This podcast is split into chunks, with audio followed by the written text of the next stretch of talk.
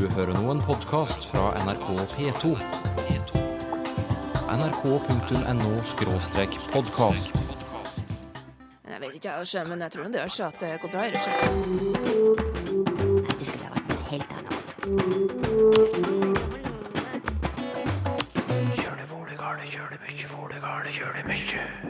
Visste du at utropstegnet ble funnet opp allerede på 1300-tallet? Og utropstegnet var da et sånt tegn som skulle vise begeistring. Alf Prøysen laget sitt eget skriftspråk, men hadde ikke noe system. Et godt eksempel er ordet kyrkje. Det kunne skrive enten som kjerkja med æ, eller kjerkja med e, kjerka med æ, eller kjerka med e. Det blir et tusenkronersspørsmål i lytterspalten i dag, Sylfes Lomheim. Heter det livene våre eller livet vårt? Dette er ikke tvil om. Det er Ja, ja, ja, ikke si mer nå, da. Vi tar det mot slutten. Jeg lurer på, Når du skriver, bruker du utropstegn noe særlig mye? utropstegn korte setninger, korte ord. Ellers så virker det som man er litt sånn sur, da. At man er litt fornærma, kanskje irritert. Så jeg bruker veldig lite. Hva er det du vil uttrykke når du først bruker det? Bestemt mening. Type ja eller nei. Sånne ting. Hvor er det du skriver hen og bruker det? Eh, mye Facebook og SMS. Ja. Det er noen som bruker utropstegn veldig mye. Har du lagt merke til det? Ja. Det er jo sånn tre-fire-fem etter hverandre. Hvordan oppfatter du det, eller hva syns du om Nei, det? da må det være viktig, da, tenker jeg. Nei, det kan jo bli for mye òg. Hvis man hele tida skal poengtere ting, så blir det litt sånn eh, Det blir for mye av det gode, rett og slett. Visst bruker vi utropstegn, men hvordan oppsto det? Og kan det tenkes at utropstegnet ble brukt på en annen måte før enn vi bruker det i dag? La oss spørre en som har arbeidet med temaer som tegnsetting og kommunikasjon. Karianne Skåvolt ved Høgskolen i Buskerud og Vestfold. Du har jaktet på historien om utropstegnet, og hva fant du? Ja, det stemmer. Eh, Jeg har jaktet på historien eh, om utropstegnet. Eh, Og det jeg fant ut, var at, at det er en italiensk humanist ved navn Jacobo som har fått æren for å ha funnet opp utropstegnet, og dette var i ca. 1360. Og grunnen til at han fant opp det, var at han jobbet med å skrive av tekster som folk eh, skulle lese opp muntlig.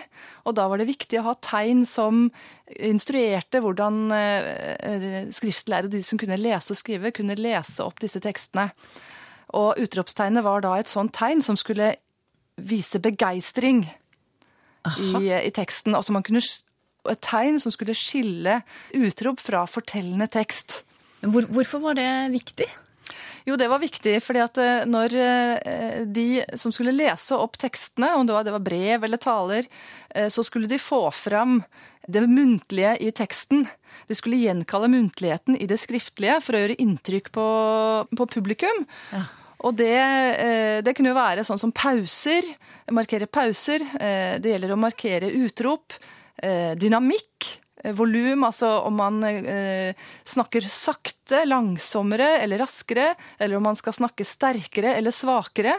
Og det er jo på samme måte som vi kjenner fra musikkstykker. I musikknoter så har vi også tegn som skal fortelle oss om vi skal synge i crescendo eller diminuendo, altså sterkere eller svakere volum. Og dette gjorde de faktisk altså, de som leste tekster på rundt 1300-tallet. Og det var jo for så vidt også helt fra 400-tallet, kan jeg lese i mine kilder, at ja, tekster ble lest opp på denne måten. Så så tegn, tegnene, ikke bare utropstegnet, men flere tegn, ble brukt for å markere disse ulike kvalitetene i taleflommen. Så det, det syns jeg er spennende. Det, dette var nytt for meg. Ja, hva, hva- er spennende ved det, syns du? Jeg syns det er spennende at det muntlige har så, eh, får så eh, sterk betoning. Og dette var jo Disse skriftlærde de hadde jo gamle Altså de hadde jo idealene fra retorikken, eh, som, eh, som jeg sa, som handlet om å gjenkalle det muntlige. Og, det gjaldt å overbevise og begeistre og uh, gjøre inntrykk på leseren. Uh, bevege, begeistre og overbevise. Dette er jo begreper fra retorikken som vi kjenner. Logos, etos, patos. Og eh, vi har jo, skriftspråket spiller jo større rolle i dag. Så det forteller oss at talespråket og det muntlige og det nære i talen, lyden, var viktig. Hvordan man framstår og overbeviser ved hjelp av lyden og kroppen. Men, men dette begeistringstegnet da, som vi kaller utropstegn i dag, og som var da ett av mange tegn som skulle instruere oppleseren i hvordan teksten skulle formidles. Ja. Hvordan så det ut opprinnelig? Eh, Det, har jo, eh, det er jo egentlig to teorier eh, for hvordan utropstegnet oppsto. Den første teorien er jo eh, akkurat fortalt. eh, Og det utropstegnet som Jacobo fant opp, det er en skråstrek, eller slash, som noen eh, på engelsk kaller det. Ja. Eh, Skråstrek med en, en prikk under. Men den andre teorien eh, går ut på at utropstegnet startet som et gledesutbrudd. Eh, at det var en latinsk interjeksjon for glede. Og på, på eh, latinsk da så var det IO, eh, som betyr hurra. Ja. Og dette IO det ble forenklet, sånn at I-en ble streken i utropstegnen, og O-en ble forminsket og ble prikken. Så det utviklet seg da til å bli utropstegn. Eh, ja, jeg stoler kanskje mer på den eh, første teorien da, Jak eh, om Jacobo, men det er klart at eh, det var mange som eh, Det var jo flere enn han som satt og, og diskuterte tegnsetting i disse kildene. Eh, han skrev jo egne bøker om konvensjoner for, prøvde å lage konvensjoner for denne type tegnsetting, men det var jo flere andre som også gjorde det. Så her er det eh, flere teorier, eh, og flere, her er det flere tegn, kanskje, som har eh, oppstått samtidig for det samme som vi har i dag, utropstegnet. Ah, så han hadde ikke si, det, var, det var ikke standard, denne skråstreken med prikken, altså? Det var, det var flere former for utropstegn? Ja, det, det var flere former for tegn generelt også, som, eh, som eksisterte side om side. og det var Hvorfor, hvorfor det? Jo, for det var, eh, det var jo eh, Etter hvert så ble det flere som lærte å lese og skrive, og som skrev av tekster. Vi hadde, jo- det her var jo før trykkekunsten. Eh, Og da var det jo mange individuelle former for, eh, for eh, begeistringstegnet, f.eks. Dette behovet for å markere, markere et utrop. Ja. Så, så det er også interessant at det var en stor grad av, eh, av valgfrihet. Det var ikke så sterke konvensjoner. Det var ikke noen standardisering på samme måte som vi har i dag. Men Jacobis eh, utropstegn og hans tekst fra, fra 1360 var et uttrykk for et forsøk på å prøve å standardisere utropstegnet. Og han hadde jo en etterfølger, Coloccio Salutati, som eh, sent 1300-tallet også prøvde å spre denne formen for utropstegn, da, med dette skrå, denne skråstreken med, med prikken under. Men det, det er jo interessant at det her er jo eh, før, før det var en veldig sterk oppfatning av noen enhetlig norm, da. Ja, Men, men dette, dette utropstegnet vi har i dag, som er en Ja. rett, altså Ja. en loddrett strek Ja. med prikk under, når ble det standard? Jeg vil anta at, eh, at når trykkekunsten kom eh, med Gutenbergs bibel i 1455, eh, så vil jeg tro at det da ble veldig mange tegn standardisert. Men eh, det sies også at eh, dette utropstegnet først utpå 1650-tallet så ble det mer utbredt, og tydeligvis også mer et standardisert tegn, da. Du, eh, utropstegnet er altså som et begeistringstegn og som en instruksjon til den som skulle lese. Skal vi Ja. runde, runde av med å litt sånn kort sett, et, et, et skråblikk på utropstegnets eh, liv i dag? Det brukes jo ganske mye. Ja, vi bruker utropstegnet mye. Og det som jeg syns er interessant her, er jo at eh, vi returnerer på en måte tilbake til det muntlige når vi skriver i sosiale medier. Eh, her, eh, her er jeg selv eh, ganske flink til å sette mange utropstegn nesten etter hver setning noen ganger, så jeg må gå gjennom e-postene mine og, og renske de for utropstegn, særlig hvis jeg er veldig engasjert og er begeistret og, og ønsker å oppnå kontakt og vise engasjement eh, for en sak jeg skriver om, eller eh, sånn. Og utropstegnet, det Eh, Det har jo en konvensjonell bruksmåte. Eh, Det skal jo markere utrop, au, sukk, eh, i både skjønnlitterære tekster og når vi skriver e-poster og ulike brev. Eh, Etter hilsener, hei Kari. Eh, Og jeg har sett i e-postene mine, eh, håper du er kvitt hodepinen din, Maria, utropstegn.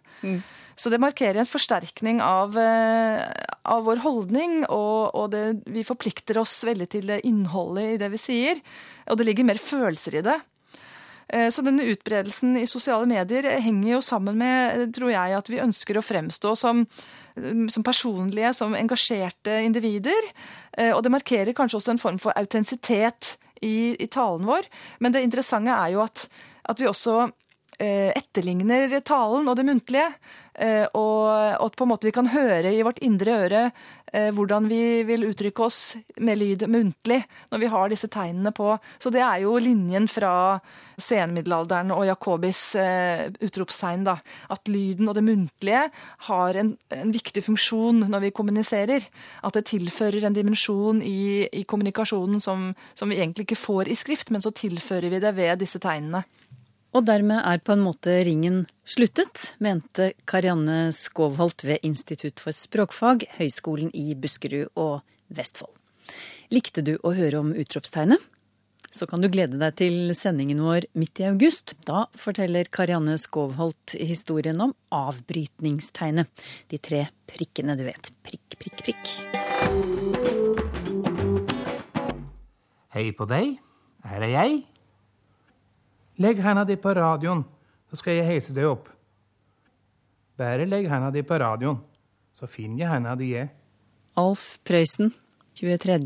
juli er det 100 år siden han ble født, og i Språkteigen sist hørte du at Prøysen skapte sitt eget skriftspråk. Han eh, fant fram til en egen måte å skrive norsk på, og det gjorde han litt sånn enkelt sagt, ved å eh, kombinere element fra talespråket sitt og eh, de to skriftspråka våre.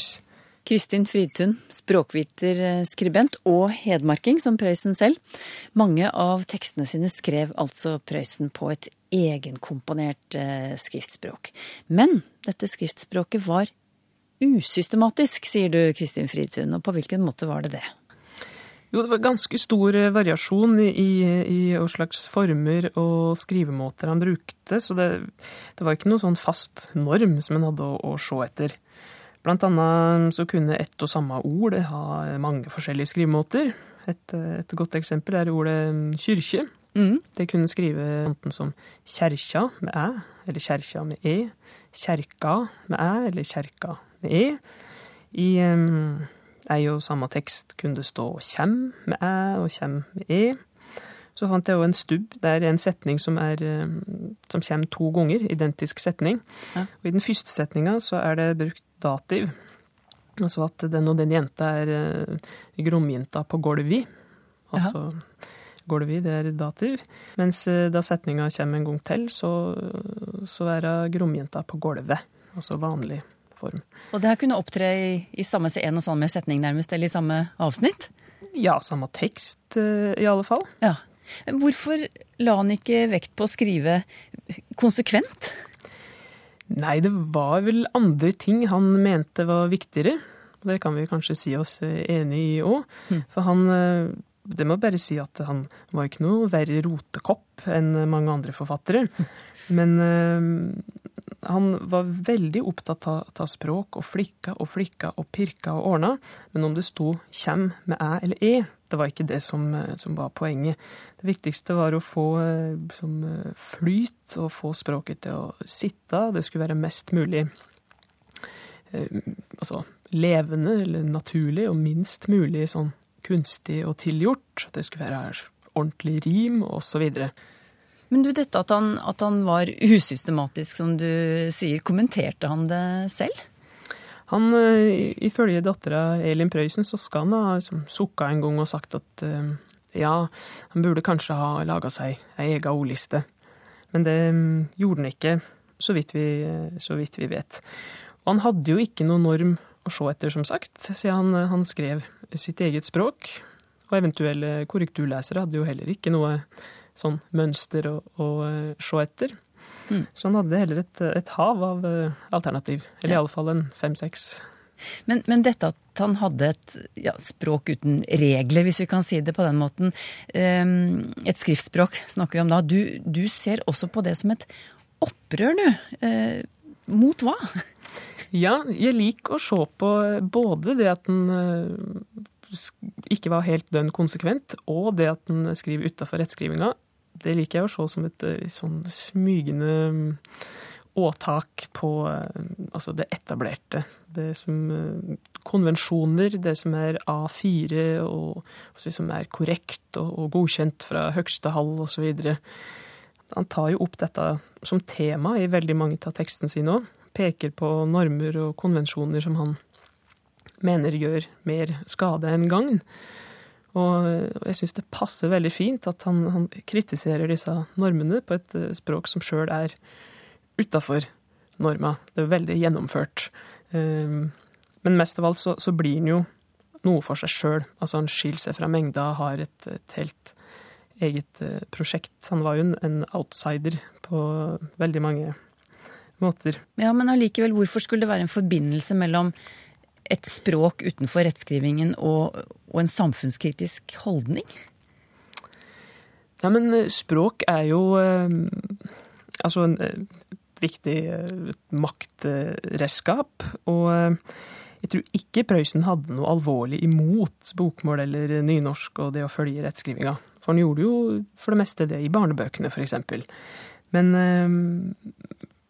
jeg tror han kjente seg friere, litt sånn uh, utafor uh, normen. Og jeg må sjøl vedgå, jeg er jo veldig opptatt av å, å skrive rett og, og, sånt når jeg skriver i aviser og slikt noe. Men jeg jeg jo liker å skrive utafor norma, altså skrive landsmål f.eks.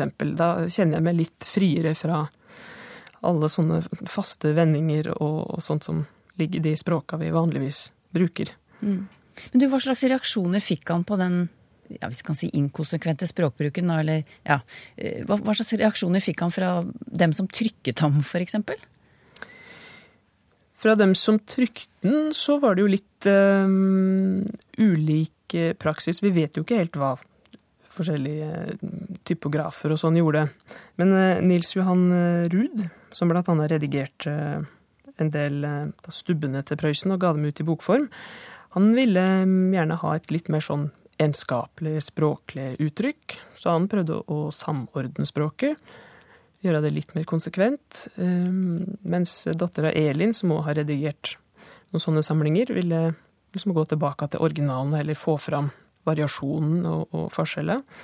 Mens i den nye utgivinga av stubbene som kom nå i vår, så har redaktør Jan Erik Vold gjort litt som Ruud igjen og, og prøvd å ja, få et enskapelig eh, språkuttrykk, da, i den grad det er mulig. Mm. Men eh, ja.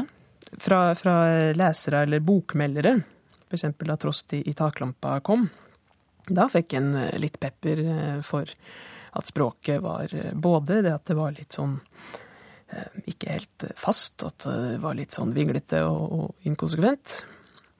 Men òg at han skrev en slags samnorsk, da. Mm. bokmål og nynorsk. Hvordan svarte han på kritikken?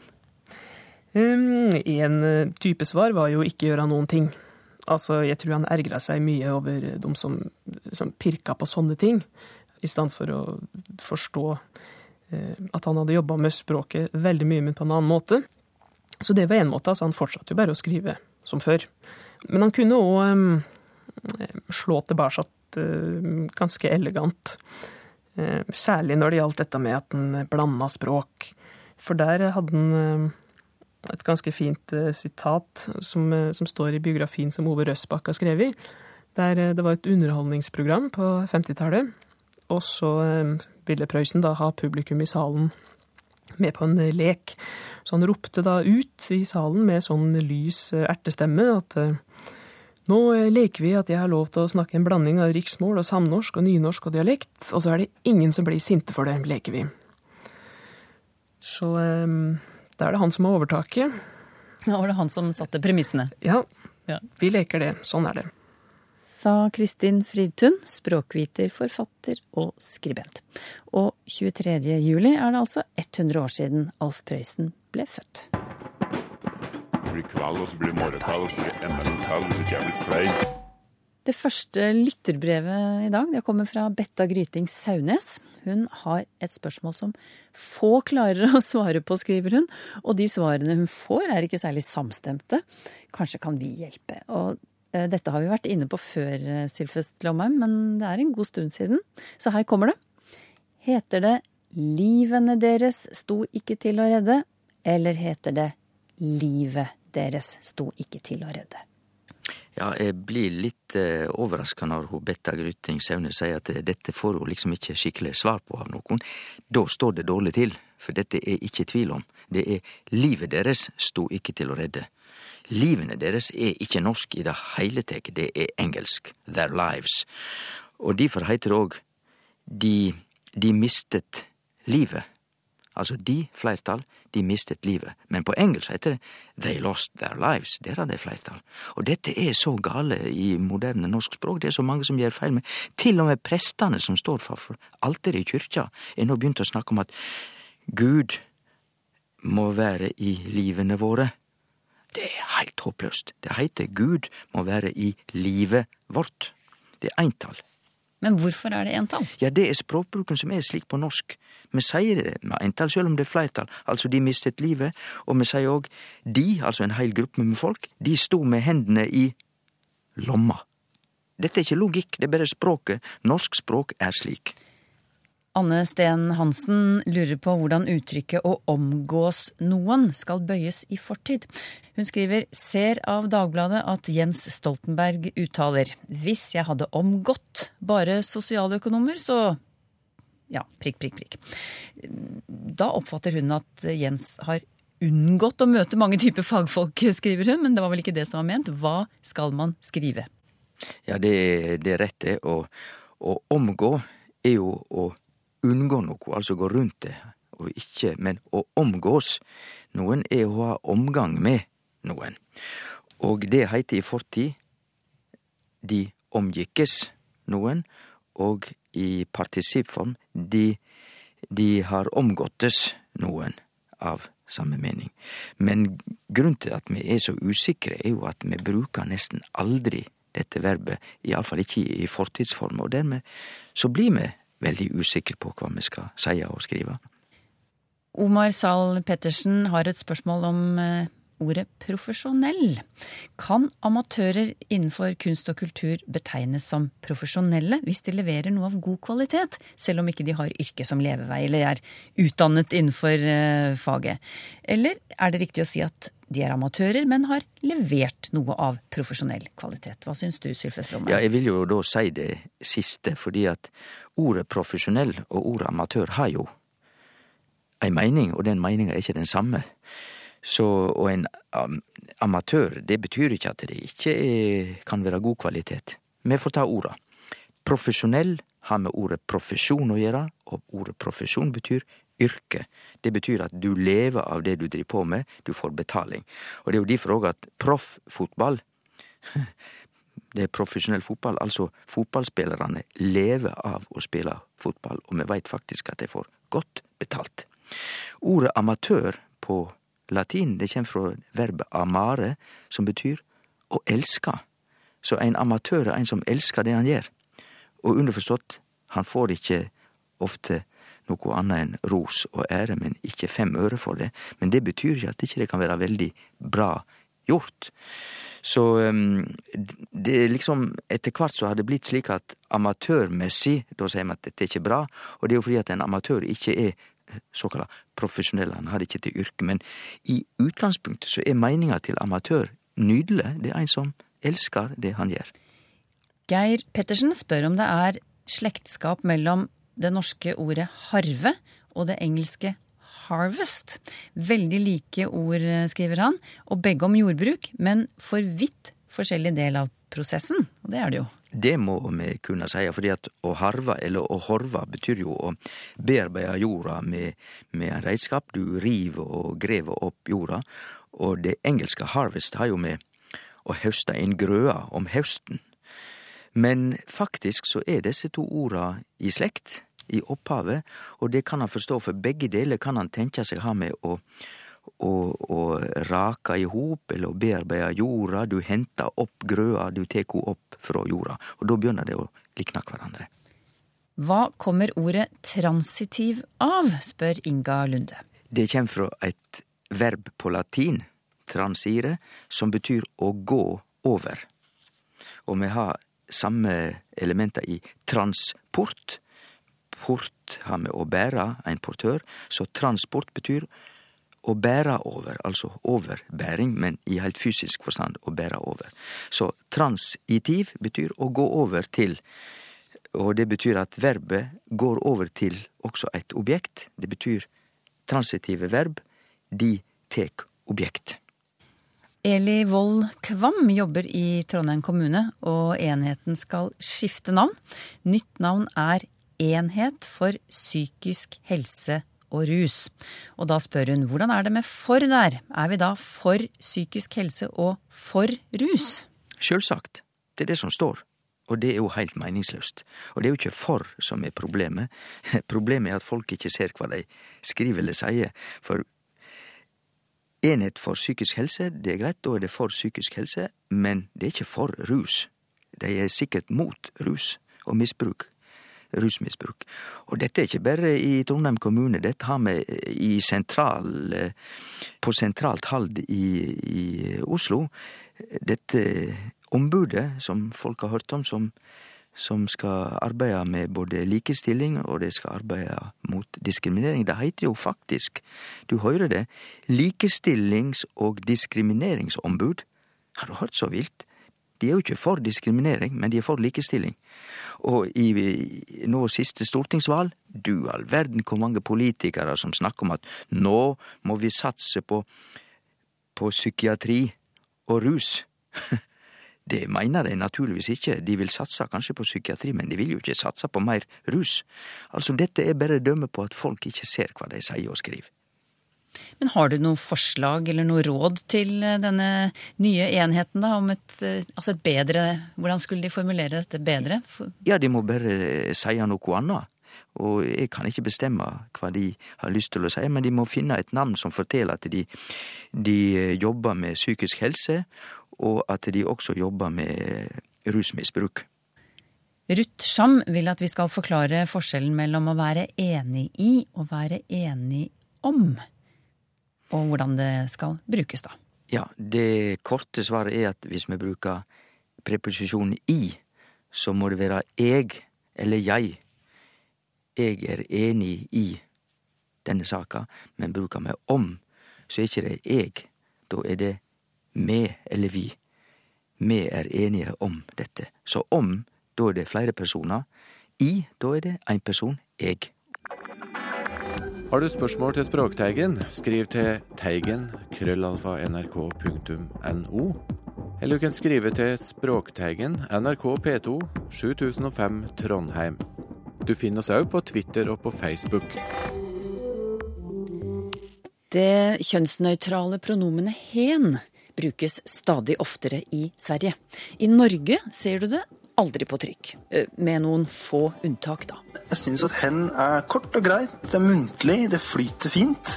Språkteigen om en uke.